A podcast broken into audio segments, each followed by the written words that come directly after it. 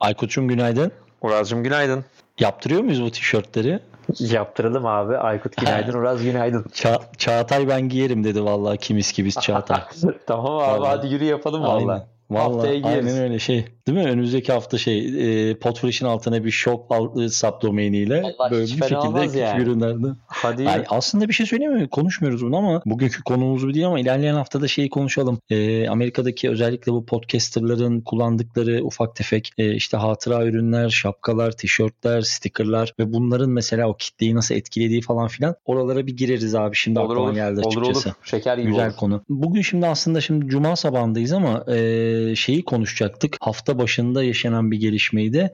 E, her hafta her pazar akşamı saat 21-22 Türkiye saatleriyle 21-22 saatleri arasında yayınlanan Podfresh Roundtable serisinin konuğu bilim kazanı podcasterlarından Aysu Uygur'du. E, Amerika'dan bağlandı kendisi. Ben de yayında Çiğdem Öztabak'la bünyemizde e, Wikipedik şeylerin podcasterı olan Çiğdem arkadaşımızla çok keyifli bir bir saatlik sohbete yaptık. İstersen Aykut'cum birazcık bundan ya, bahsedelim. Süperdi. Kıskandım desem Hı-hı. yeridir. Ee, uzun süredir ilk defa yayına gelemedim abi jetlag olunca. Orada olsun, da tam Ayşular olsun. çıktı. Ee, bu, buradan tabii hem Ayşe'ye teşekkür edelim. Ee, Çiğdem sağ olsun tabii güzel bir bağlantı yaptı orada. Hem de tabii o gün yayında yoktu ama e, sevgili İlker Öztop'a da teşekkür ederim. Ayşe ile İlker e, uzun süre neredeyse 4-4,5 yıl kadar bu yayını devam ettirdiler. Yani benim uzun süredir takip ettiğim, keyifle takip ettiğim en önemli yayınlardan biriydi bence.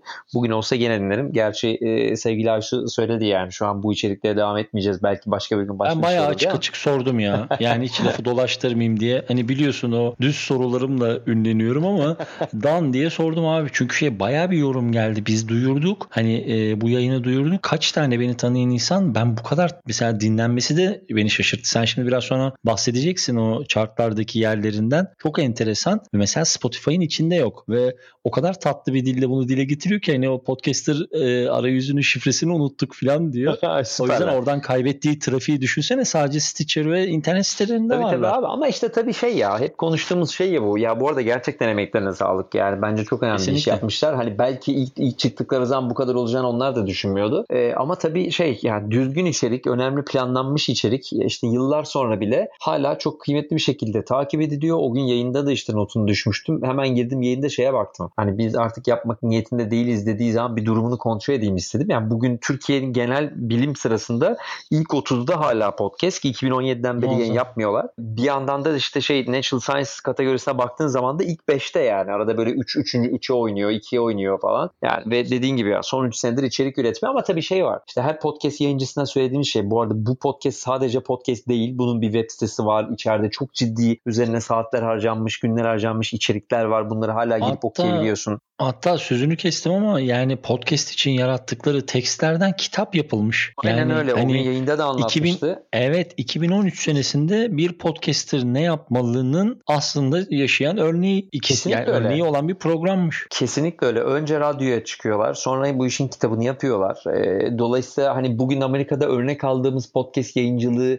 ya da podcast markası oluşturma kişiye ya da işte kendi podcast'ine marka oluşturmada yapılabilecek bütün adımlar aslında burada olmuş vaziyette. Bunu da hani bize hep soruyorlar ya nasıl yapacağız nasıl yapacağız? Aslında işte iş belli yani podcast yayın yapmak değil içeriği doğru oluşturmakla alakalı. Yani içeride yayınlayabileceğin bir içerik Kesinlikle. varsa bunu kitaba da koyarsın. İşte e-bültene de koyarsın. Sen, ne bileyim başka şey de yaparsın ama içerik önemli yani. Senle şeyi konuşmuştuk. E, Aysun'un konukluğundan sonra şey demiştin çok iyi hatırlıyorum. Bu kadar yoğun bir akademik hayatın içerisinde bile bu podcastleri yapmış, evet. yapabilmiş. Yani evet. 40 bölüme yakın. E, yani şimdiki işte bu yeni nesil bizler de hatta yeni nesil deyip böyle kendimizi ötekileştirmiyor ama hep böyle bir zaman bulamıyoruz, zaman bulamıyoruz falan diyoruz ama kadın inanılmaz başarılı bir şekilde Harvard'da eğitimini sürdürürken, PhD yaparken bu tarafta da bu kadar ciddi üzerinde zaman ayırdığı bir podcast projesini yürütmüş. Gerçekten canlı gönülden tebrik ediyorum. Evet emeklerine sağlık. Ya bu arada şey görüyorum hani Türkiye'de belki biraz daha zor oluyor. Bu buradaki yani benim de mesela podcast'te başlama hikayem biraz böyledir. Kendi işlerini yaparken e, kendini bir network oluşturmak için biz podcast'i başlatmıştık. Kodluyoruz network'ümüz olsun diye başlatmıştık yapmıştık. O bambaşka yere bak şimdi işte podcast konusunda bir girişimciliğe doğru yürüdü. Yani vakit bulamıyorum diye bir şey ıı, diyorsa bir insan zaten bir şey yapamayacak ama bir şekilde vakit yaratmak lazım. Hele bir uzmanlık alanın varsa bu konuda bir şey üretmek lazım. E, üretmeden de ne iş oluyor ne network oluyor. Hiçbir şey olmuyor. Yani armut bir şey ağzıma düş olmuyor. Yani illa bu podcast üretmek açısından değil. Bu üretmek lazım. İşte bak bambaşka e, networkler yapıyorsun.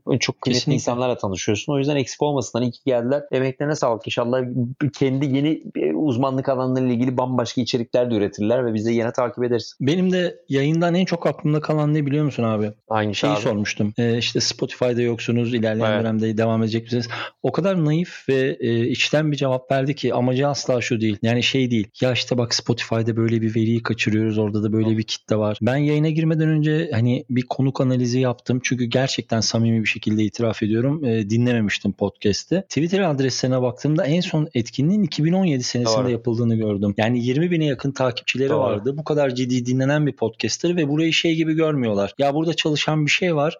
Hadi burayı ayakta tutalım. Hani genelde budur ya bakış açısı. Doğru. Hani burada Oradan bir, bir burada bir geri dönüş var, var. Evet burada bir hareket var. Hatta tam tersine bunu sordum da açık açık yayında ve şey dedi. Yani o proje bitti. Şimdi yaparsak başka bir proje dedi. Dolayısıyla böylesine de çok e, özgüvenli ve medeni cevapları özlemişiz. Bir Vallahi kere daha teşekkür ederim. Kıymetli bilim insanları. Aynen. Bildikleri, iyi yaptıkları Kesinlikle. işi yapıyorlar. O yüzden sonuna kadar destekliyoruz. Aynen öyle. Ellerine Aynen sağlık. öyle. Var mı doktorum ekleyeceğin bir şey? Bugünlük bu kadar diyelim o zaman. Güzel konu e, oldu. E, haftayı kapattık. E, hadi bakalım o zaman bir cumartesi aslında pazara yani ya. Hafta, haftayı kapatırken de şunu söyleyeyim. Bu arada aslında legal olarak şu anda tatildeyim. Yani e, evet. tamam bir Ege köyünde Ege kasabasında değilim ama 14 ve 22'si arası tatildeydim. Ama tabii ki değiller tatil kavramımızın dışında. O yüzden her sabah buluşmaya devam edeceğiz. O zaman pazartesi sabah görüşmek üzere abi. Anlaştık Razcığım. Hadi iyi tatiller o zaman. Tamamdır. Öpüyorum seni. Görüşürüz. Bay bay. Bay bay.